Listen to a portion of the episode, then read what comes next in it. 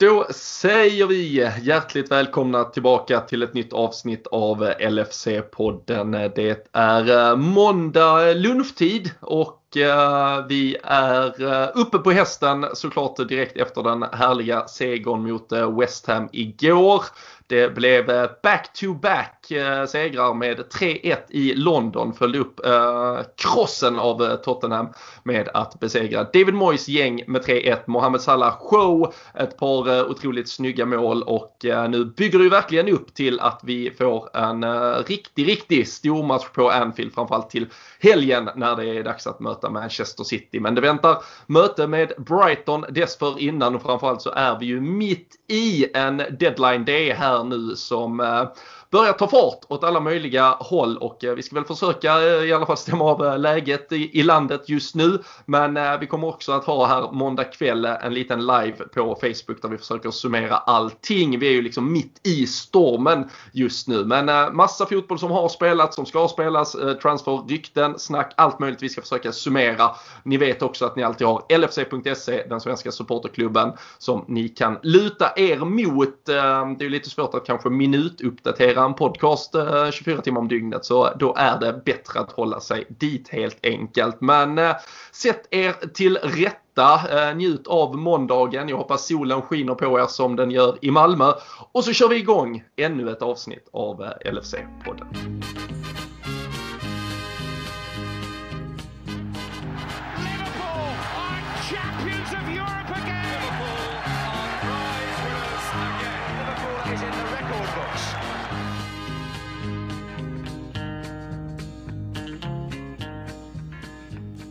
Jajamensan! Fredrik, vi har eh, tagit eh, lite lunchledigt för att beta av det senaste kring Liverpool och eh, man behöver stuva om i sitt schema för att hänga med i allt som händer just nu. ja, och det, det var ju länge sedan känner jag spontant som man satt och Ja, vi var lite, inte, jag ska inte säga nervig för det, det, det är inga sådana spelare vi ändå pratar här just nu. Men det är ändå lite kul när det väl, väl händer. Det var ju så länge sedan vi i Liverpool var eh, i den här situationen att man var ute så här sent ute i de sista timmarna här. Men eh, lite kul är det att sitta här och uppdatera, trycka på FM, FM hela tiden här på tangentbordet så man bara ser vad som händer på Twitter. Men eh, det lär säkert hända lite grejer under tiden vi spelar in här. Det, eh, det ska vi nog kunna säkerställa på något sätt. Men eh, lite kul är det i alla fall, det tycker jag. Håller du med eller är du, är du eh, vill du ja, att det ska vara så lugnt och färdigt så tidigt som möjligt? Nej, ja, alltså det är väl, det är väl alltid... Det bästa såklart.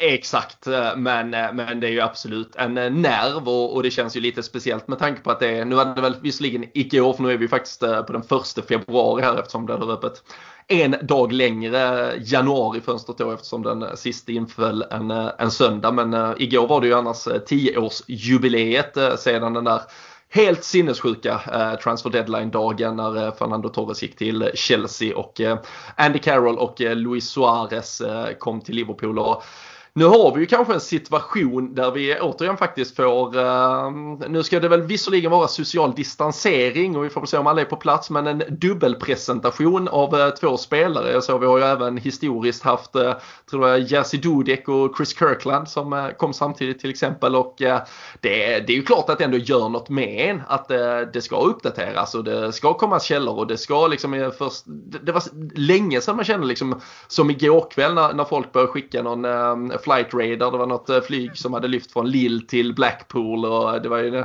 eh, Caleta Blackpool. Eh, alltid Blackpool, det är där vi tydligen har läst mig till det också under natten här att den flygplatsen är stängd för så att säga vanlig trafik just nu såklart på grund av det väldigt begränsade resandet i världen och används endast för privatplan. Så man vet, är det på väg till Blackpool då är, då är det alltid aktuellt med att det kan vara någonting. Men men äh, det är klart det är speciellt med, med, med den här bevakningen och eh, det har ju faktiskt varit många, nu har vi haft sommarfönster ett par av dem sen. Det här blev ju jätte äh, annorlunda på alla sätt och vis och sen har vi haft det här med att eller, det engelska har stängt före de övriga ett par säsonger. Så, så det var ju länge sedan man, man satt på helspänn en, en deadline day och liksom jobbade, jobbade rykteskaruseller. Det är alltid pussel, det är något domino eh, som ska falla till slut ofta för att det ska gå ihop och så vidare. Så någonting gör det med en i alla fall. Det ja. får man väl erkänna. Ja, och den här, det här transferfönstret om vi jämför med de tidigare får vi ju säga att detta är det är klart det finns ännu viktigare fönster. Vi är ju i rätt bra förutsättningar tycker jag ändå, men trots att vi skadar, eller har då våra bästa mittbackar borta, så, så är det ju ett viktigt fönster som jag ser det i alla fall, att få in det här eh, ordinarie mittbackar så att säga, alltså sådana som är tänkt att spela där vecka ut och vecka in i slutändan och inte Fabinho och Henderson som går ner och vikarierar. Så det här blir ett, eh, ett viktigt fönster tycker jag. Jag tyckte det har varit det hela tiden och jag bara förundrad över att det har tagit så lång tid att vi sitter här den 1 februari och potentiellt pratar två nya mittbackar. Men eh, det är klart att det bästa man har sett det hade varit om man stod eh, som, en, som ett omslag på en romcom på 90-talet. Där man stod två rygg och rygg och fotade på nya träningsanläggningar. Det har ju varit det bästa såklart. Men det kommer vi nog inte få se Robin. Det, det tror jag inte. Nej, nej det, det känns väl eh, kanske lite avlägset. Men vi kan väl ta en eh, superkort liksom, eh, uppdatering. Det här kan ju vara inaktuellt när detta väl släpps liksom, så vi ska inte fastna för djupt i det. Klockan är 20 över 12 just nu när vi spelar in. Men, men det senaste är väl att det hetaste spåret är Otsan Kabak från Schalke. Ehm, 20-årig mittback eh, som det har ryktats om eh, länge egentligen, alltså till och från eh, små smårykten. Men nu verkar det som att Schalke har gått med på att de kan tänka sig släppa honom. Men det står och faller på också ifall de kan lösa in en ersättare. Ehm, de har ju haft hopplös form väldigt länge men har ändå sprattlat till liv på senaste och, och måste ju såklart se om sitt eget hus och försöka säkra åtminstone att man behåller sin plats i, Bundesliga. Och den skulle man ju riskera kanske sälja bort ifall man släpper Kabak här nu. Och eh, de senaste ryktena gör gällande att det är en eh, Shkodran Mustafi som eh, han bli ett litet Liverpool-rykte. Men eh, vi alla är väl eh, jättemycket eh, nöjdare Fredrik ifall han löser affären åt oss genom att han fyller en lucka någon annanstans än i just vårt lag. Ja, alltså det skulle ju vara fruktansvärt jobbigt eh, om man eh, Liverpool skulle hämta in den man har suttit och skrattat åt eh, andra kvällar när man har suttit och lördag, eh, lördag eftermiddagar när man har kollat Premier League-fotboll eh, och jag anser väl att eh, klart att det är en han har ju mer rutin, en landslagsspelare för Tyskland. Han var väl dessutom med i truppen som vann VM och han, han har ju mm. varit med om mycket men det är ingen bra mittback. Han är alldeles för, för ojämn och vi satt här och pratat om att det är dags för Lovren att lämna i flera år här och det här skulle vara en parodi på Lovren ungefär om han skulle komma in nästan. Det är så illa skulle jag säga att det är. Men eh, nej, hoppas att han eh, tar, eh, tar den andra platsen. För som du säger, Schalke är ju en situation där de måste göra någonting. De ligger ju toksist verkligen. Inte toksist så sett. Det är två poäng upp till nästa lag. Men därefter så har de mm. en bit upp kvar. Så att någonting behöver de göra. Men samtidigt så tänkte jag så här när jag fick höra ryktet att, att det var han. Han var ju inblandad i en liten härva här ganska nyligen eh, under coronatider var det väl egentligen till och med att han spottade väl på någon och det mm. känns inte som att det var en spelare som vi kanske skulle fortsätta tracka då om det har, har gjort det men eh, för en sån grej kan ju avskräcka några lag kan jag tänka mig. Men, eh, Nej, det, var ju, det, var ju ja. typ en vecka där i höstas när, när hans namn dök upp mm. verkligen och det, och det verkade ganska seriöst. Det måste ju varit i samband med att van Dijk gick i sönder vill jag väl minnas. Och, och, och, då var det ju liksom på en vecka ungefär så förlorade de väl först, nu minns jag inte exakt, men typ 8-0 mot Bayern mm. München eller något sånt. Och han, han spelade liksom i mittförsvaret där. Det var väl första gången eh, eventuella Liverpool-supportrar skulle se honom spela fotboll typ. Och sen veckan efter så, så drog han iväg en spottloska på någon i, i tider då, eh, som du säger, eh, just att, eh, att sprida bakterier runt sig är eh, kanske eh, det värsta man kan göra eh, där ute. Så, så det finns ju en där, där, finns ju lite att jobba med vad gäller profilering och paketering där och samtidigt så, så kommer det ju såklart ställas krav och om detta nu blir en affär så, så måste man ju såklart också ha har pratat både med honom och folk runt honom. Även om det görs eh, på uppstuds och sista sekund så, så är ju sådana här arbeten väldigt mycket mer långt gångna oftast än än det lilla sista. Det är det där isberget vi ser till slut. Men eh, det är ju klart att man har gjort en, en noggrann undersökning av den profilen. Och han är bara 20 år ska ju sägas också.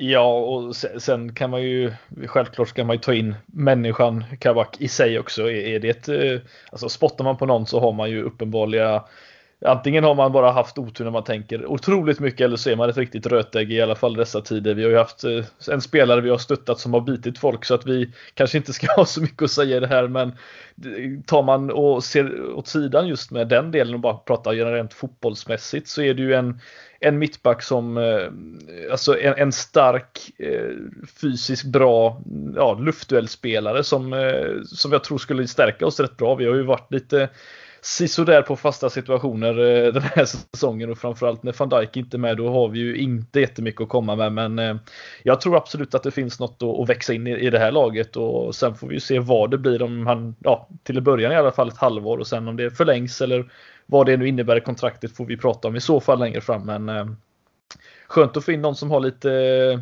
lite talang i, i byxbenet i alla fall. Det känns ju positivt.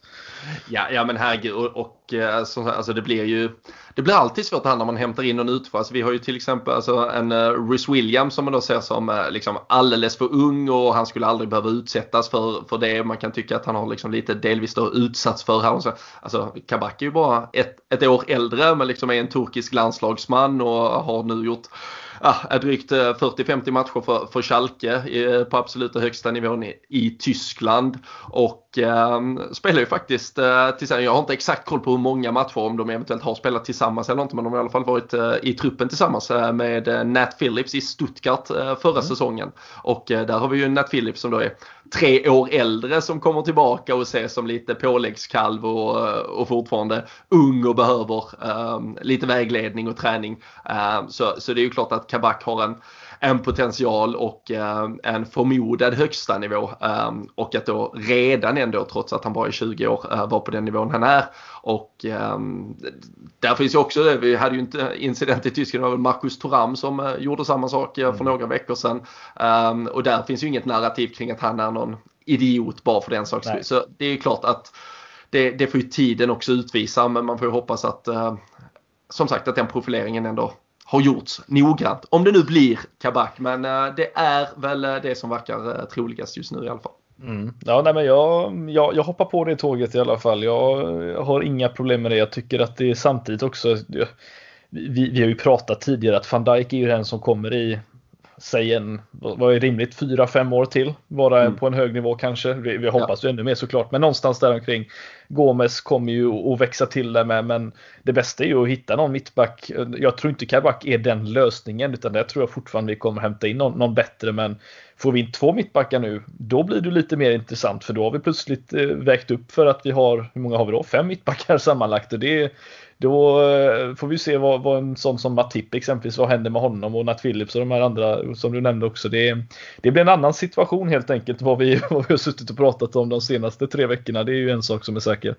Ja, för man kan ju konstatera att Ehm, utöver då en eventuell värvning av Kabak så är väl det som ser ut att bli klart under dagen. Där har ju till och med eh, journalister på Merseyside vågat gå ut och, eh, och påstå att det verkligen är saker som lär hända. Det är ju Ben Davis, 25-årig mittback från Preston som också kommer att hämtas in under dagen. Det återstår väl lite formalia men det är ju en affär vi ändå får utgå från i, i denna stund kommer att bli av.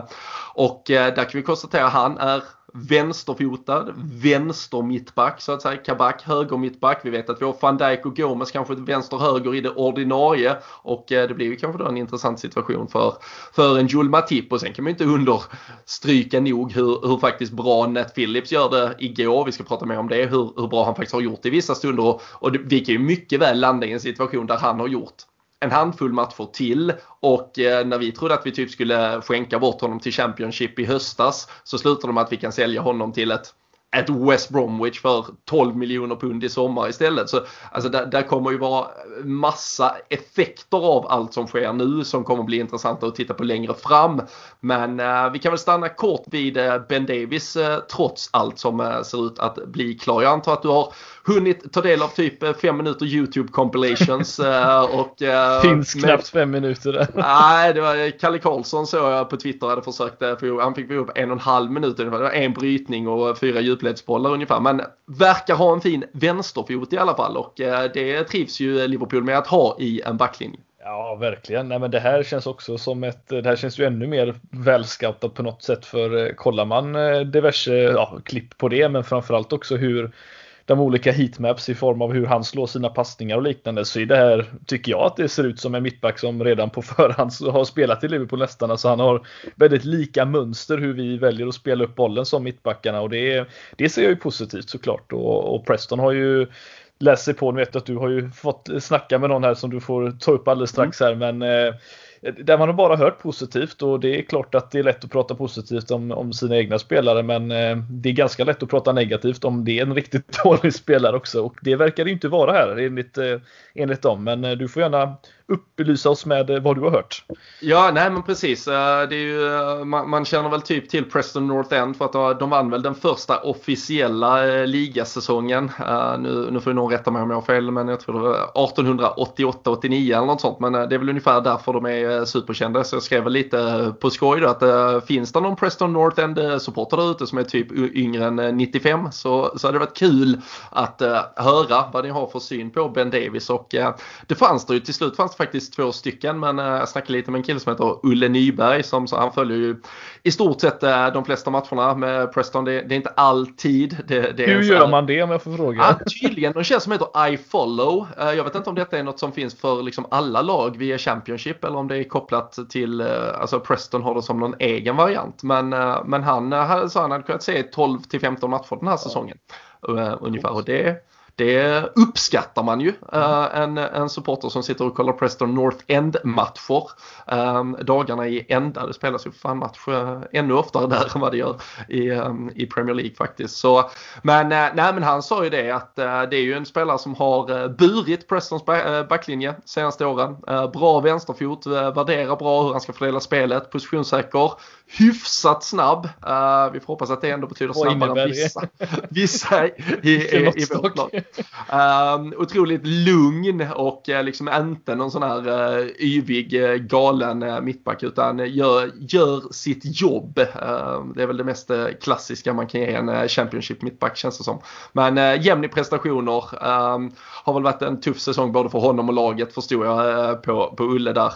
de ligger väl strax under mitten just nu. Har väl inte varit i jättefin form. Han hade någon skada eh, tidigare på säsongen. Får ju alltid en att bli lite nervös men, men det ska vara lugnt nu och eh, enligt alla rykten egentligen så, så och där kanske han till och med hade kommit så långt men han skulle ha skrivit ett pre-contract med, med Celtic. Eh, hans kontrakt går ut till sommaren eh, så att han skulle ha skrivit ett pre-contract för att gå till Celtic eh, i sommar. Så Celtic, ehm, även om eh, ibland är väl kvaliteten kanske densamma i skotska ligan som i Championship men det ses väl ändå som ett steg upp om man var på väg till Celtic. Men kom till oss istället. Uh, spelare med vänsterfot och Celtic-anknytning har gjort det bra i vår backlinje för Fredrik. Så um, det är... Inga andra jämförelser.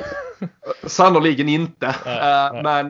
Men, men alltså, vi pratade lite innan vi tryckte på räck här att den här typen av spelare, alltså det är klart att det här inte är spelare vi sätter över oss på någon watchlist ifall Barcelona värvar van Dijk för 1,4 miljarder. Men att man alltid har ett lager av spelare man tittar på när kriser eventuellt uppstår och eh, det verkar som att vi faktiskt har, har följt honom eh, ett par säsonger. Det här är ju hans fjärde helt ordinarie säsong i Preston och har ju varit en någon form av garant i deras eh, mittlås trots allt. Eh, ja.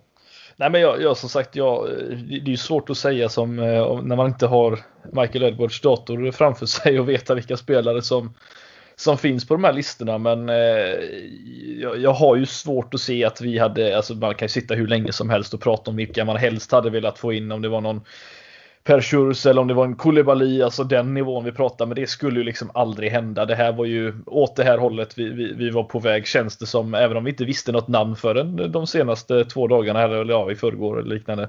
Så så känns det här ganska rimligt och jag, jag är ganska spänt på hur se hur det här ska ska sluta faktiskt för att eh, än så länge så tycker jag att Ja, vi vet ju att Matip inte kommer vara hel eh, för evigt, eller någonsin igen känns det som. Och då är det ju Nat Phillips och, eh, som är den enda mittbacken egentligen med Rhys Williams. Men att, att Nat Phillips inte fått chansen oftare eh, istället tycker jag ju bara är, är, rent underligt. Men det kommer vi väl komma in på nu under, när vi pratar Western såklart. Men eh, vi får se om han skolas in direkt eller om han möjligtvis får eh, få sina chanser och om det blir fortfarande ett så att mittbackar kom, äh, mittfältare får vikariera ett litet tag till. Men äh, jag tror han är annars är redo och sugen på att hoppa in. Det, det, det måste nog pirra i hans kropp och veta att han ska till Liverpool möjligtvis. Det är, det är kanske han inte trodde i början av året, eller förra året i alla fall.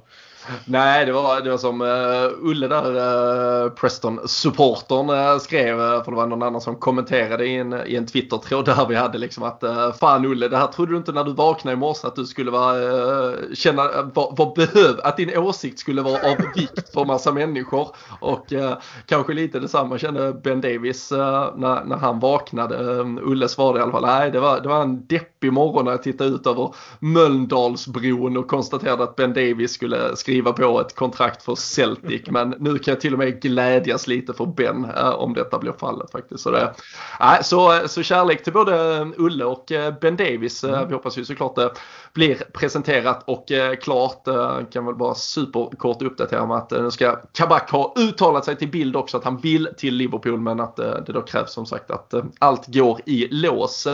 Det vi kommer att göra beroende på när man lyssnar på detta så vet man ju mer om framtiden så att säga. Men vi kommer måndag kväll här nu ha eh, lite live på Facebook också där vi försöker summera allt som händer. Eventuellt följer det in i eh, mål om eh, det behövs. Men eh, från eh, någonstans vid halv nio tiden kanske eh, måndag kväll så eh, kör vi på Facebook. Så då får man hålla utkik. Vi delar såklart det på våra sociala medier också. Men eh, vi kan väl annars hålla oss till sånt vi eh, i alla fall försöker ha lite bättre koll på Fredrik och faktiskt i alla fall kan tala utifrån någon form av fakta. För eh, det blev seger igår igen i London. Följde upp 3-1 seger mot Spurs med 3-1 seger mot West Ham. Eh, nu är vi eh, en poäng bakom detta fantastiska Manchester United som skulle ge sig in i titelstriden på allvar för en vecka sedan. Och fyra poäng upp till Manchester City som dock har en match mindre spelad men vi vet ju att vi möts på söndag.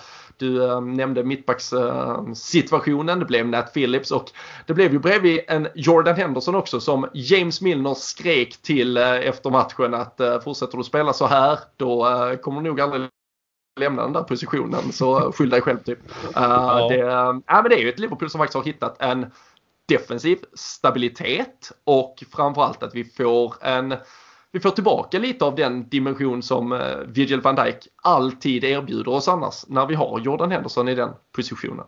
Ja, nej men det är, det är ganska stor förändring tycker jag de här senaste två matcherna. Det är, vi får ju nästan börja med också med att ta, eh, ta på det faktum att vi vunnit två bortamatcher dessutom. Vi har inte varit bortskämda med, med det. Nu har vi visserligen vunnit allt vi kan göra mer eller mindre i London i alla fall. Det verkar vi eh, lösa ganska bra så där passar vi att spela men eh, annars så, så, tycker jag att vi har ju sett en stor förändring och det har väl såklart Jordan Henderson eh, hjälpt oss också med och det är ju att vi cross, gör mindre inlägg de här matcherna, senaste matcherna. Vi har spelat bollen på ett helt annat sätt och det har gett oss två stycken eh, imponerande vinster som jag ser det.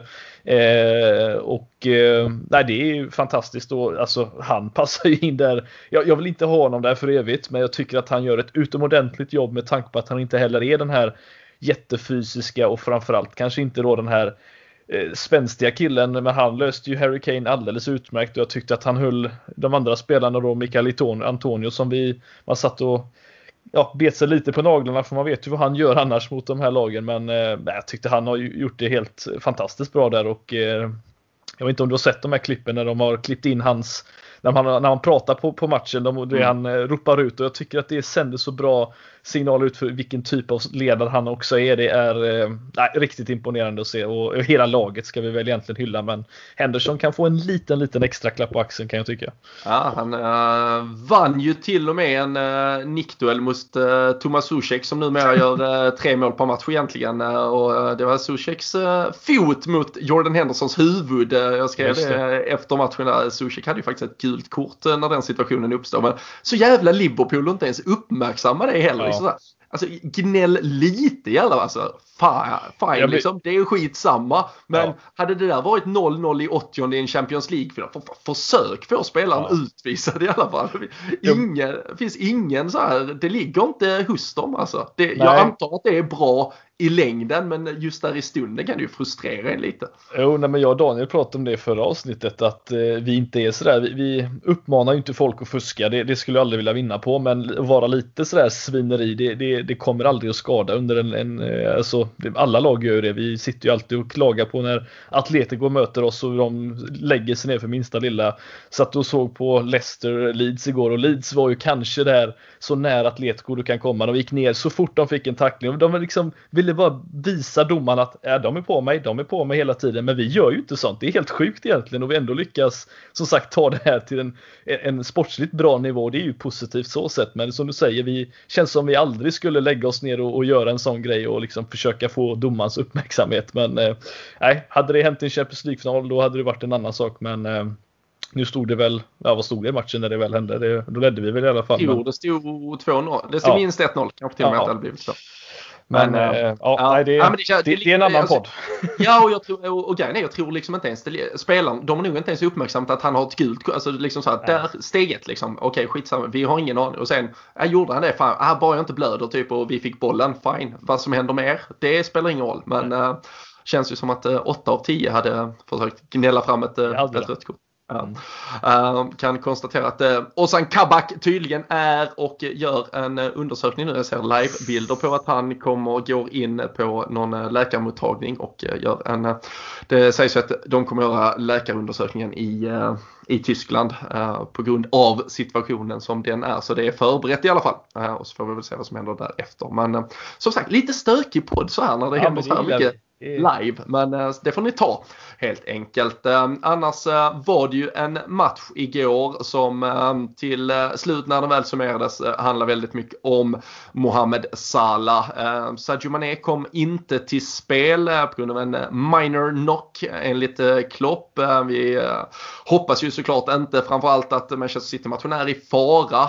Det finns väl all möjlighet att han kanske vilas även mot, mot Brighton på onsdag om det är minsta lilla tveksamhet. Men däremot chockerande också Fredrik att eh, man då när Sadio Mané trillar bort eh, vilar eh, Roberto Firmino och eh, jag skrev eh, också inför matchen att frågan är om det inte är någonting vi inte vet här. För eh, vad vi har lärt oss annars sen Roberto Firmino anslöt är ju att han spelar gärna 90 minuter, typ 55 matcher varje säsong. Nu var det andra gången på ja, typ 10 dagar är det väl sen Burnley som han vilades från start. Ja, jag, jag, tycker också det är lite eh, fascinerande. Eh, jag vet inte om det finns, om det, om det har med det att göra, det, det är mycket möjligt, men eh, jag tycker ju att jag, jag, kan tänka mig kanske snarare att när han spelar så, så vill Klopp verkligen få ut det mesta av, av två stycken eh, snabba yttrar exempelvis. Det är då han kommer som, som mest till användning. Eh, men och kanske därför han gjorde det här, det här bytet också. Det, vi får ju, får ju liksom Salah vara den som vi får två stycken eh, bollmottagare i form av Origi som vi får kalla mer det än en löpare egentligen med tanke på att han oftast eh, hellre eh, möter än, än och går i djupledet eh, och Shakiri är en sån som har den här foten. Jag kan tänka mig att det var tanken från Klopp möjligtvis att få de två och så låta Salah gå i djupet och det tycker jag ju ändå att eh, det fanns ju rätt många situationer i matchen då han inte bara vid målen, eh, eller målet kanske vi ska säga det först sista var där. Men eh, jag tror det finns en tanke bakom det. Men Firmino har ju samtidigt de senaste matcherna ändå kommit till liv lite i alla fall så att det tycker jag också är lite, lite förvånansvärt. Men ja, jag vet inte riktigt vad, vad tanken är där men det kanske ligger något där bakom. Ja, och eh, Divock Origis eh, vara på en fotbollsplan eh, fortsätter ju också att eh, förvåna en. Jag eh, frågar mig oftare och oftare vad det är han eh, är bra på.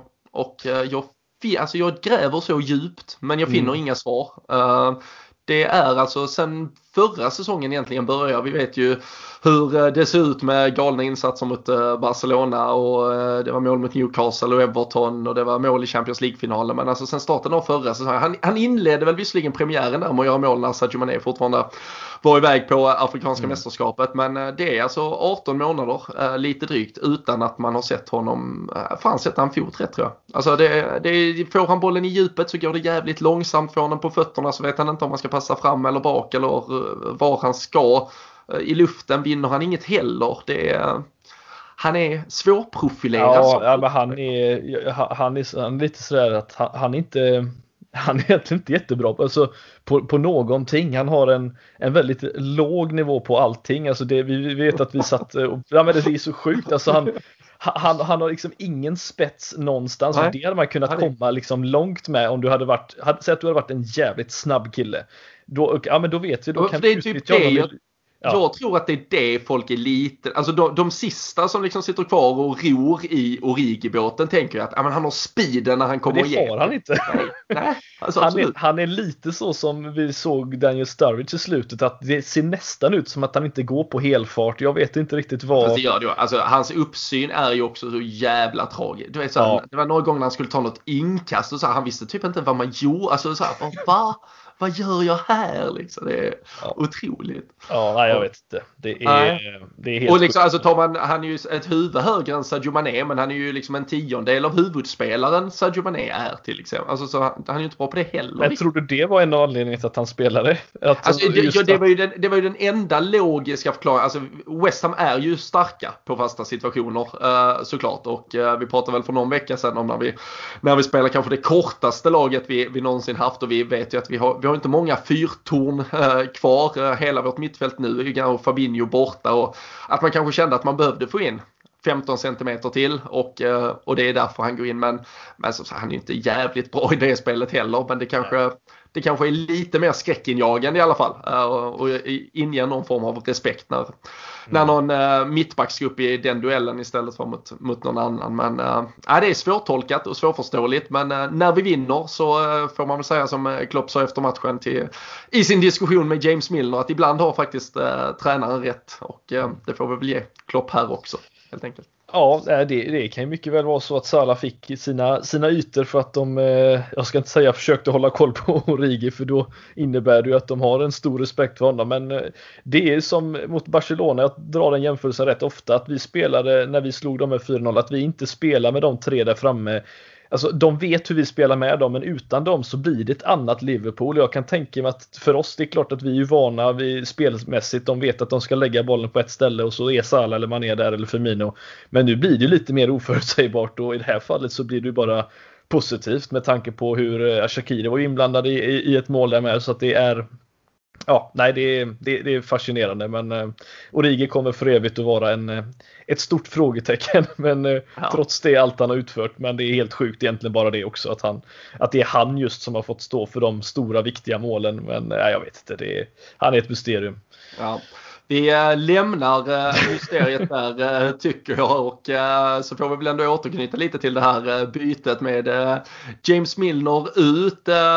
Frågade Klopp lite va, hur tänkte du där egentligen? Vi hade ju sagt här, jag, jag var, hade lite känning men jag gick ju ner och spelade lite mer defensivt. Då hade jag ju kunnat hålla på lite längre och han hann väl inte avsluta den meningen förrän Curtis Jones hade gjort det han hade blivit ombedd av Klopp att göra. Play a little bit cheeky and do what you like like. Uh, eh, han eh, tog bollen, förde upp den och uh, plötsligt så fick Mohamed Salah en passning till sig själv i straffområdet och då gjorde han det vi vet att han kan göra som man ibland tycker att han slarvar bort men nu la han den bara till rätta, tryckte upp den i krysset i stort sett och Milner och Klopp fick skratta vid sidlinjen. Jag tyckte det var liksom, det, det summerar väl någonstans också det här laget. Den respekten jag tror liksom att Klopp har mot sina spelare som Milner har mot sin tränare eh, i det läget och sen då eh, krönt med ett så snyggt mål och eh, Curtis Jones insats. Det var, ja, det var en det var en underbar sekvens hela ja. den minuten egentligen.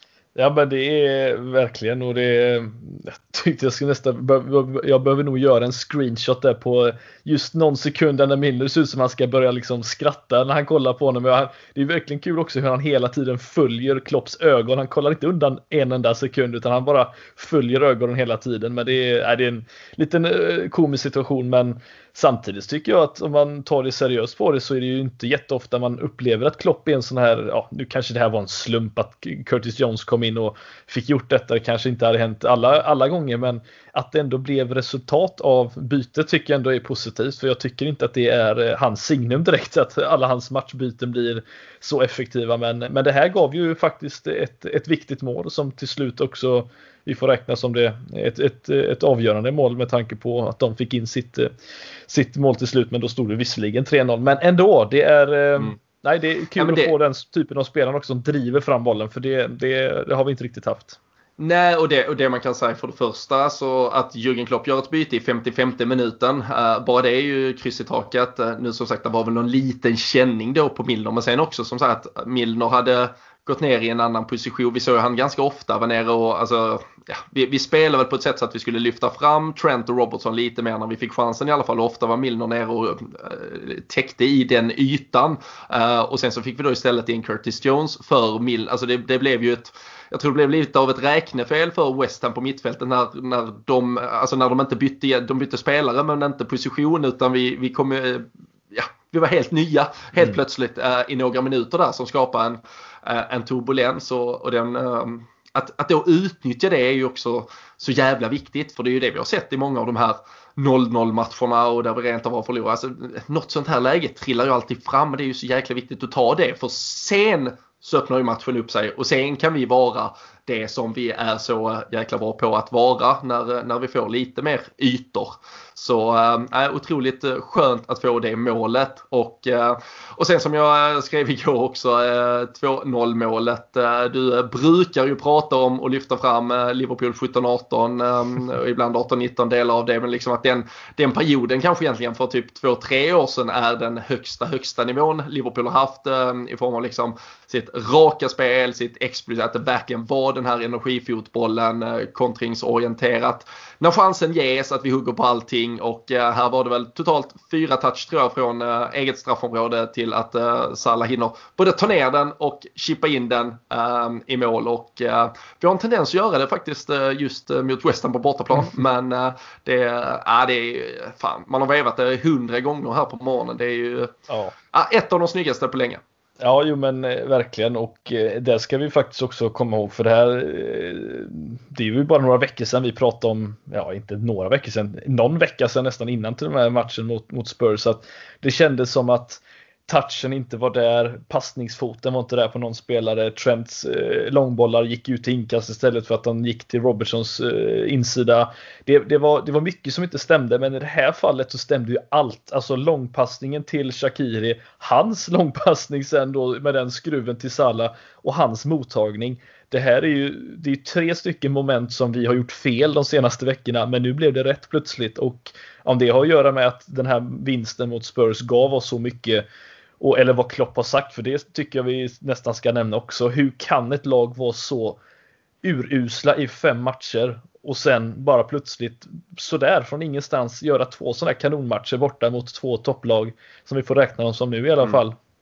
Jag tycker alltså det, det är det här psyket i fotbollen. Alltså jag vet inte vad Klopp har sagt eller vad spelarna har gjort med varandra men det är rätt sjukt att det har svängt så snabbt och så mycket också för att ett tag såg det inte ut som vi skulle göra ett enda mål. Allting, alla avslut var ju trubbiga och, och jättedåliga men nu sitter ju varenda touch dessutom. Salah, det där målet, första målet han gör Alltså, mm. vi, han hade kunnat göra tre, fyra stycken sådana under de här matcherna, fem matcherna, men han får ju dem antingen i skopan på målvakten eller så går de inte ens på mål.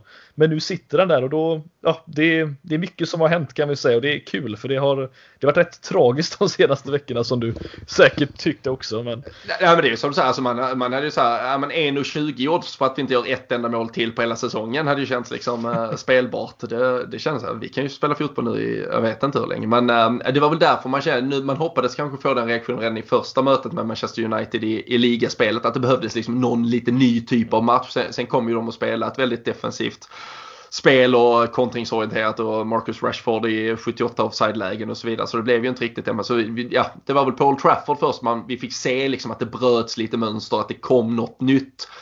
Um, och sen, ehm, sen, sen, har det ju blivit bättre och, och bättre därifrån egentligen. Och, äh, det, är, det är otroligt skönt att se. Klopp pratade efter matchen om att eh, liksom det, ja, vi, vi, har väl efter varje match liksom försökt säga rätt saker till varandra i form av hur vi ska gå vidare, hur vi ska bli bättre framåt. Men nu har vi väl uppenbarligen sagt de de helt rätta sakerna eh, inför de senaste matcherna. Och eh, det är ju en, en grupp som, som tillsammans vill dra åt rätt håll såklart. Och eh, de, de vet vad de kan åstadkomma på, på sina bästa dagar. Och eh, de, har vi varit frustrerade så kan jag ju bara tänka mig hur frustrerade de har varit när de, när de vet vad de har för nivå i sig och säger att man liksom kan man noll mot Southampton och noll mot Burnley och inte få hål på Newcastle. Alltså det, ja, jag, jag kan bara tänka mig hur, hur frustrerade de har varit. Och eh, på tal om det där med liksom psyket och att slå tillbaka. Vi hade fått en fråga av eh, Johan Nilsson också angående, angående Trent och eh, du, du nämnde ju honom men alltså från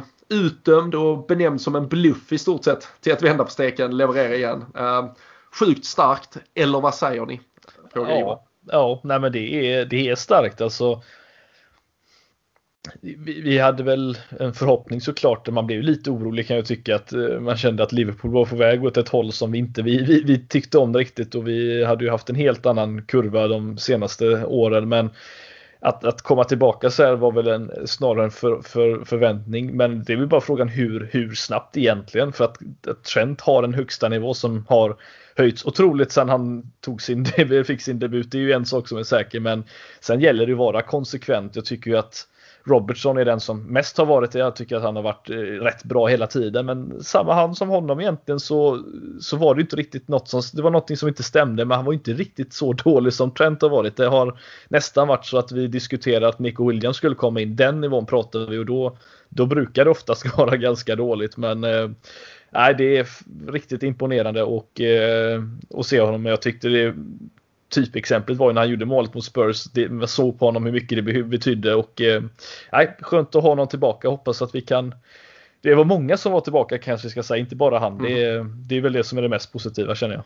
Ja, jag tycker vi, vi nämnde det i, i förra avsnittet också just det här med att uh, han, han, är ju så sett unik som högerback där så många av hans styrkor ligger i liksom, eh, ja, men ett frisparksskytte, hans crossbollspel, hans assister som alltid brukar, liksom, vi vet vilka, han slår sina egna rekord eh, säsong efter säsong i stort sett. Så, så just det här, just mot Tottenham, att han fick kröna det med alltså, faktiska poäng. Eh, mm. Så att säga, jag tror, jag tror det var superviktigt för honom. Och äh, alltså, så som han sätter bollarna och nej, det är underbart att ha honom tillbaka. Och eh, Liverpool eh, krönte ju också eh, kvällen sen med att göra 3-0. Firmino hade kommit in, han la fram den, det var öppet mål för Gini Wijnaldum och vi fick en fråga där också från Jonte Granlund med vilket mål som egentligen var snyggast. Sallas knorr i krysset, kontringen eller det sista lagmålet. Vad tycker du om det? Mål nummer två. Det var ingen högoddsare för eh, någon som har suttit nej. och poddat med dig i sju och ett halvt år. Eller nej, alltså det, det, nej det, det är ett sånt mål som, eh, som ska eh, hyllas. Det är helt klart. Det är ett få touch och så snabbt in i mål. Och som sagt, den touchen tycker jag att han gör fantastiskt bra avslutet med. Men det är helheten med det, det målet tycker jag är kul. Jag gillar när, när ett lag är inblandat, inte när bara spelaren gör det vackert utan när, när flera är inblandade då, då blir det roligt. Mm.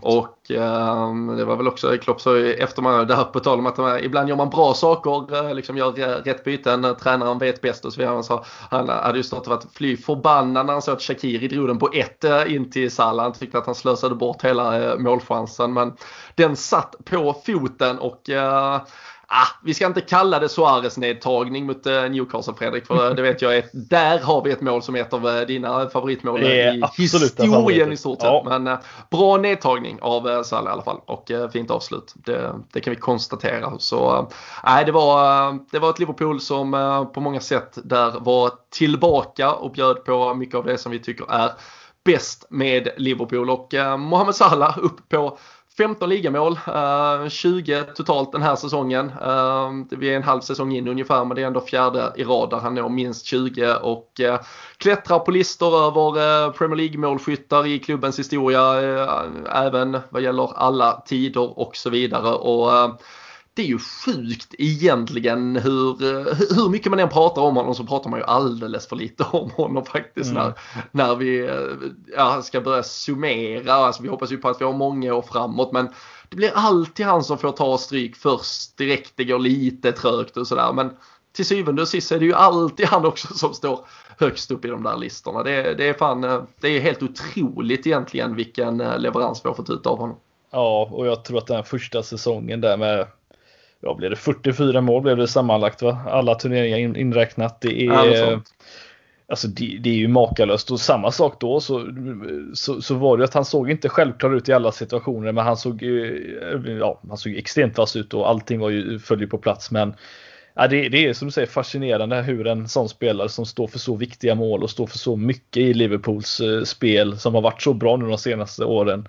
Att man inte får den respekten. Jag, jag vet inte riktigt eh, varför det, det, blir så men eh, det är It's a Liverpool thing kanske. Det, jag tyckte aldrig att Suarez riktigt fick den eh, uppskattandet heller hela tiden men nej, det, är, eh, det är en spelare som vi eh, har mycket att tacka för. Det är en sak som är säkert. Mm, och vi vet att Många av våra lyssnare blev väl kanske minst lika glada när de eh, eventuellt hörde hans eh, intervju efter matchen. Han fick typ bara någon fråga sådär liksom. Ja, det var en bra insats. Jag bara yes, but first of all I want to say VAR. I don't like VAR. bara, what? Skitbra, härligt. Får vi lite och sen, sen var jag tvungen att ursäkta. Jag vill inte bli, jag vill inte få böter, jag vill inte få någonting. Men det är där han bara så här, jag har slutat fira mina mål. Alltså jag vet inte, jag vet aldrig om det är mål eller inte liksom. Så jag, jag, jag gör mitt bästa och så, så får vi se vad som händer. Men äh, det var ju lite på tal om att liksom, han, han känner väl att typ som det där omställningsmålet vi har gjort ett par sådana väldigt bra mål. Till exempel mot Brighton som vi möter nu på mm. onsdag. Det var ju ett sånt där, där ingen fattar någonting. Där han får, får fart på bollen, han kommer igenom, lägger in den. Uh, oavsett om det inte alltid är så kliniskt. Men så är det någon uh, hårtofs uh, eller någonting som är, som är offside till slut. Så det var väl ändå lite befriande och skönt att höra han bara säga nej fan lägg ner bara liksom. Skit, skit i det, vi, vi fattar ingenting. Um, sen vet jag inte, det visar väl lite ibland fotbollsspelare hur mycket koll och det, det är ju en jävla djungel såklart. Men han börjar prata om, ja men de har lite andra regler i Champions League. Så, jag tror inte de har det. De är bara jävligt mycket sämre domare i Premier League tyvärr. uh, men uh, ja.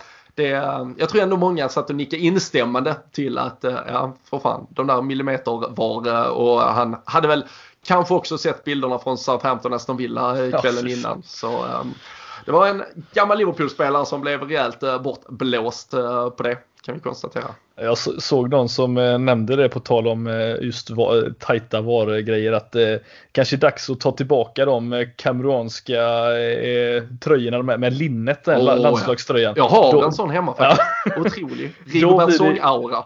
Ja, men då blir det jävligt svårt att dra en linje på vart, vart liksom armen liksom vart den går för det är betydligt lättare nu när man ser tröjan vart den är men annars blir det, ja då kanske det hade kommit, eh, blivit ett mål för Ings istället eller för Salah för den delen också, det, det vet man ju. Och så måla armen i en sån här röd krigsmålning så det ser ut som att det är linjen. Så att ja. Det, ja, det, ja, det finns, eh, vi vill se mer nyskapande och nytänkande på, eh, på var motståndarfronten. Det, ja. det ser jag fram emot i alla fall. Rund, runda, inte spetsiga skor framåt utan väldigt, väldigt rund så att man inte får en lång tåpaj framför det. Ja, ja man... men sådana helt uh, fotriktiga sådana här vandrarskor vet du, som är helt anpassade med Gore-Tex. Alltså, ja men med uh, där så här, tårna är helt uh, anpassade, alltså som en fingervantar liksom fast med tårna. Uh, ja, det, ja, vi, ni hör om, uh, om Nike Adidas sitter ni och lyssnar så slå en signal. Vi, ja. vi har jättemycket idéer vi kan hjälpa er med. Men äh, nej, äh, otroligt ocharmigt också av äh, Aston Villa som liksom har, de har gnällt på alla domslut de har fått mot sig. Deras spelare är ute och gnäller efter varje match när det är något. Och sen så lägger de ut liksom never in doubt eller något sånt på sin ja. Twitter efter mig. Nej, det är äckligt jävla fan. Flytta ner möget alltså. Helvete. Det, det kan irritera mig. Uh, så um, jag, jag tar... Som är... Ja, förlåt. Nej, kör du. Jag skulle säga en sak som är positivt kring, kring det hela här dock med vi pratar resultat det är ju att inte bara har vi vunnit två matcher rad men vi har fått med oss några bra resultat eh, senaste veckan också. Får vi ju får vi inte glömma. Vi såg ju mästarlaget United förlora hemma mot Sheffield som eh, var väldigt förvånande måste jag ändå säga även om vad man får säga vad man vill om United men och sen att, eh, att Tottenham nu också går och tappar och de, de har ju tappat det, på tal om tappning, hur mycket som helst. Det är helt sjukt egentligen vad de ja. Eh, jag vet inte ja, men där, som händer alltså, där, där, där, finns ju en risk att det alltså, imploderar. Alltså det, det, de har ju fortfarande inte kunnat göra en bedömning på hur illa det är med Harry Kane. Tydligen någon svullnad som de måste lägga sig först. Eh, och eh, alltså de ser, för det första var de ju helt, sen är man alltid nervös för när, när man själv spelar. Då är man inne i det med lite adrenalin och sådär. Men eh, jag, jag, har ju förstått av objektiva som tittar på det att de var inte så nära att störa oss i andra halvlek kan man väl konstatera. Och igår mot Brighton så var de ju de, de var helt katastrofala. Och Son Son ser ut att liksom hata livet uh, där ute, springer runt ensam. Garrett Bale vet ju inte vad han sysslar. Han, han vill ju inte spela fotboll överhuvudtaget. Och uh, nej, utan Harry Kane så de är ju de är en Arsenal-vinst mot Wolverhampton och att de själv förlorar mot Chelsea typ ifrån att eventuellt ligga tia uh, på fredag ja. när vi vaknar efter den här midweeken liksom. Och, därifrån. Och, ehm, och det enda Tottenham-supportrar har liksom eh, försvarat Mourinho med att han eventuellt ger dem lite resultat och då får vi väl stå ut ett tag. Men när inte det kommer så. Erik Niva var inte jätteglad igår när han kunde konstatera att det var första gången på 128 år eller något som eh, Tottenham avslutade en match utan en enda engelsman på planen och, och så förlust på det och nej, allting. Och United, som du säger, de, på de senaste fem matcherna har de ett poäng mer än oss. Um, och då mm. påstods vi vara i den värsta formdippen. Um, någonsin och de var på väg mot ligatitel. Uh, Leicester också bara en poäng de senaste ja, två uh, till exempel. Så uh, nej, det är många lag där uppe som har haft det tufft och vi kan väl absolut kliva på igen om det vill sig. det är ju klart att Manchester Söndag passar ju bra för det. Ja, äh, Manchester City har ju såklart alla möjligheter. De möter ju Burnley borta och vi möter Brighton hemma äh, nu i, eh, i veckan. Vi kan väl konstatera att vi har i alla fall inte råd att göra något annat än att vinna den matchen Fredrik om vi vill göra det spännande inför helgen. Är den inte väldigt lik den förutsättningen som vi hade förra säsongen? Dock att de i deras favör den här gången då att alltså vinner de den matchen, om de slår oss på Anfield på söndag, då, då jag vill inte ge upp, men då, då är det jävligt svårt att ta, ta ikapp det med tanke på hur bra de har varit. Men skulle vi vinna den, då är det ju helt andra förutsättningar. Då kommer de ju för övrigt också in i, i riktigt tufft matchande snart. De har ju fyra, fyra, fem matcher i rad tror jag mot eh, ganska bra motstånd som vi ändå får säga. Och det är ja, det, det, kan vända snabbt men det kan också vända åt andra hållet väldigt snabbt också. Så att eh, det kommer bli en ruggigt viktig match. Det är, om inte alltid alla matcher är det så är den här ännu viktigare kanske nu då. Ja, nej, men såklart. Men vi, eh, vi kommer ju såklart tillbaka med ett uh, rejält uppsnack inför uh, City-matchen och då kan vi uh, på allvar också summera uh, det här uh, transferfönstret när vi har allt bläck nerpräntat på papper och vi har ju då också spelat mot Brighton som vi alltså möter på onsdag. Ett Brighton som vi nämnde här slog Spurs i helgen. De har faktiskt på de tre senaste matcherna inte släppt in ett enda mål. Eh, Spurs där vann de 1-0, 0-0 eh, mot Fulham och så 1-0 seger även mot Leeds dessförinnan. Eh, Graham Potter kanske har förstått att hans försök till någon tiki-taka inte är helt vägvinnande för ett lag med de begränsade kvaliteterna som finns där. Och eh, sen kan vi ju samtidigt konstatera att det är ett Brighton som då möter Burnley på lördag och nu har de fått, de har sju poängs andrum ner till eh, strecket. Um, man drömmer ju lite här som Liverpool-supporter om att de kanske känner att ah, vad fan, vi kan ju vaska den här matchen mot Liverpool borta på Anfield mm. och uh, samla kraft inför, inför Burnley istället som är en jättemycket viktigare match. Och det är såklart ingen som förväntar sig att de tar, när de speciellt då har tagit tre poäng mot Tottenham så, så har de ju egentligen inget behov så att säga matematiskt uh, i sina egna kalkyler att ta poäng mot Liverpool.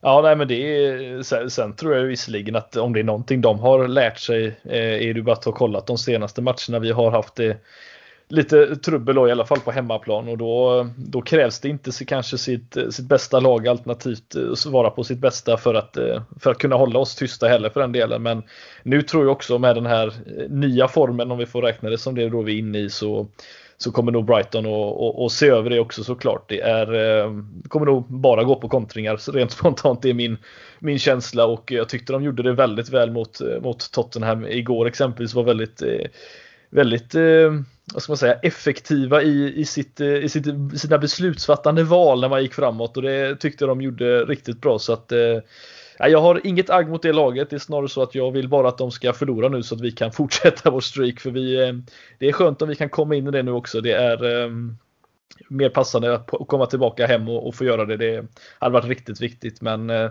stora frågan är ju vad vi ställer upp med för lag snarare och det är ju en mm. annan femma.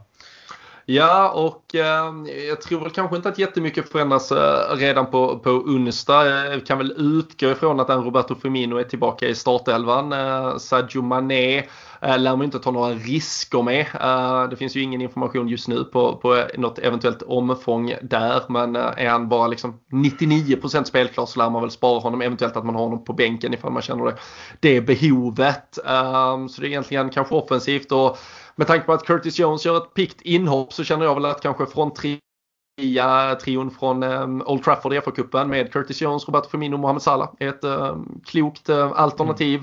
Uh, sen eventuellt då att James Milner behöver vila på mittfältet. Um, då, då finns det en, en Oxlade Chamberlain till exempel som uh, skulle kunna gå in. Det finns ju en Takumi Minamino men vi vet ja. ju att han aldrig får lov att spela så det är inget vi behöver ta med i någon ekvation här.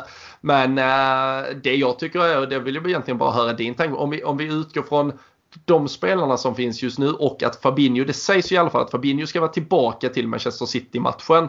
Hur eh, hade du resonerat kring att antingen sätta ihop Henderson och Fabinho igen. Eh, Philips har gjort det bra nu de senaste matcherna här sen han behövde hoppa in så att säga. Eller att om bara en av dem ska agera mittback och en kan ta en plats på mittfältet. För där bara för någon vecka sedan var det ju supergivet att det var Fabinho till exempel då Philips här och så skulle man fått upp Henderson på mittfältet men det börjar ju lite mer och mer svänga tycker jag mot att Jordan Henderson tillsammans med Nat Phillips och istället få skölden Fabinho mm. eh, framför där. Ja, men det, det, tycker jag är en rätt, eh, alltså bara Henderson är på plan så gör han ju jättestor nytta och det är, mm.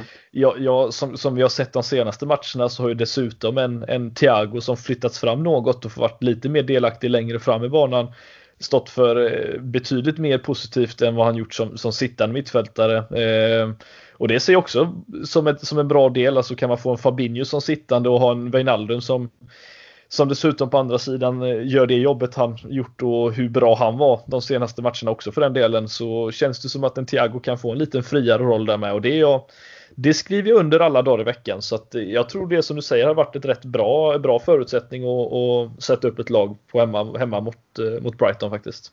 Mm kan uh, konstatera här när jag ager, agerar tidningarnas uh, telegrambyrå för dig medan vi spelar in så ska Diego Costa ska ha fått ett kontraktserbjudande av en unnamed top 6 Premier League Club. Uh, Tottenham är väl fortfarande en top 6 klubb men kan ju tyda på att Harry Kane är ganska illa däran. Och uh, José Mourinho plockar in ett riktigt ärkesvin uh, där. Det, fy fan vad man, jag hade velat sitta bredvid mina kära vänner i Ledley Kings knä när de konstaterar att de ska se José Mourinho och Diego Costa tillsammans i den liljevita tröjan fylld av så mycket stolthet. Ja, det kan vara något. Kanske är vi som ska ha honom då får man äta upp detta här. Men jag hade gärna tagit honom i och för sig. Sjuk i ja. huvudet. Ja. det var ju en gång då, då det var på G känns det som. Men eh, sen gick han ju ett annat håll. Men eh, alltså, ja, tänk, nej, det... tänk om jag hade haft Costa och Suarez tillsammans. Det är så jävla sinnes. De har ju eh, varit tillsammans nu i Atletico visserligen. Ja. Ja, nej, vi får väl se där. Eh, Brighton som sagt på, på onsdag i alla fall. Det är ju det första eh, lilla hindret. Det ska vi ta oss eh, förbi. du får ju såklart som vi alltid brukar avsluta med dela med dig av hur du tror att den fighten slutar också. Oh, så att jag gäspar här, förlåt mig. Det var dåligt, dåligt syre i rummet. Det är se, sent på dagen nu. Ja. Dags att gå och lägga sig. Jag har inte haft min powernap än. 2-0 till Liverpool. Ja, det är dags att hålla nollan eh, igen känner jag. Mm. Ja, men det, jag tycker det är, är taget också. Uh, jag borde jag... gjort det igår också för den delen, men uh, ja. Ja, verkligen. Uh, men jag får väl ändå sticka. Jag adderar ett tredje. Jag, jag, hoppas att Sadio Mané är så pass frisk så att han sitter på bänken och så vid 2-0 så vill de ändå låta han känna lite på det inför City får lite självförtroende. Så kommer han in sista 12 minuterna och gör ett 3-0 mål. Så Taget. sticker ut med det. Eh, ni vet att våra tävlingar numera körs på eh, Patreon. Eh, Patreon.com slash LFC-podden kan man gå direkt till den så laddar man hem Patreon-appen och eh, söker fram LFC-podden och signar upp sig där. Eh, Jimmy Bernhardsson satte, satte 3-1 resultatet igår. Mycket snyggt. Eh, han hade inte Dawson som sista målskytt men det var ingen annan som hade bättre minut än vad han hade. Han satte exakta minuten där, 87. Stort grattis där. En t-shirt från Sam Dodds kommer ut ut och eh, det blir såklart ny eh, tips och eh, t-shirts tävling här på onsdag och så kanske det blir något speciellt mot City. Vi får se och sen måste vi ju såklart också påminna om att våran fantasy-tävling drar igång nu vårspurten för alla lag som känner att det har hackat i maskineriet första halvan av säsongen så är det perfekt läge att olja motorerna, ta ny fart.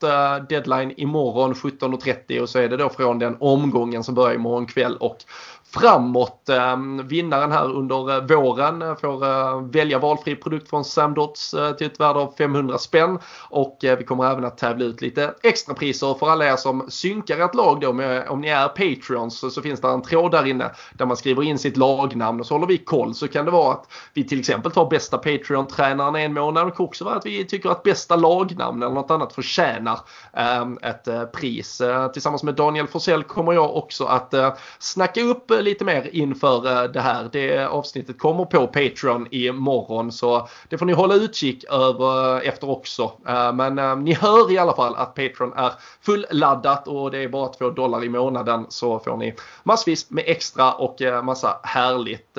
Håll som sagt utkik på våra sociala medier här om ni fortfarande lyssnar en under måndagen, måndag kväll, så kommer vi att eh, köra lite live på Facebook så att eh, vi kan snacka ner transfer uh, deadline dagen här också. Men Fullmatat har det varit, väldigt trevligt har det varit. Det är måndag, jag hoppas att ni har det så bra och så hörs vi snart igen.